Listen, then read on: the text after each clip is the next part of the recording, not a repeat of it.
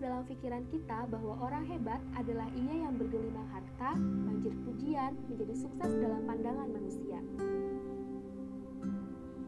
Atau ia yang berparas rupawan, mempesona, mempunyai banyak pengikut di sosial media.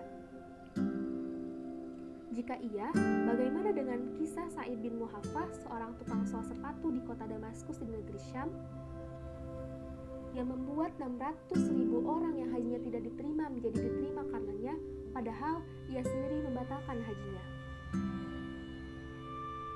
Ia gagal berhaji, tapi ia menjadi wasilah dari 600 ribu orang hajinya menjadi diterima. Ia tidak sampai mengejakan kaki di Masjidil Haram, namun namanya hangat dibicarakan malaikat di langit. Ia rela membatalkan hajinya demi menolong tetangganya dari kelaparan yang menyiksa. Walaupun padahal untuk mengumpulkan bekal berhajinya, ia pun merelakan peluh menetes dahi setiap harinya. Tapi sungguh, ia tetap berseri jumawa saat impian yang diharapkannya harus tertunda walau tak tahu harus sampai berapa tahun lagi lamanya. Kelapangan hati dan kedermawanan Said bin Muhaffah mampu untuk membuat para malaikat menyebut-nyebut dirinya dan ulama hadis terkenal di zamannya rela mencari-carinya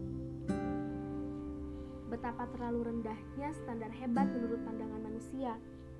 Hingga sebenarnya ia yang kaya dan baik rupanya tidak ada apa-apanya jika tidak dengan takwa.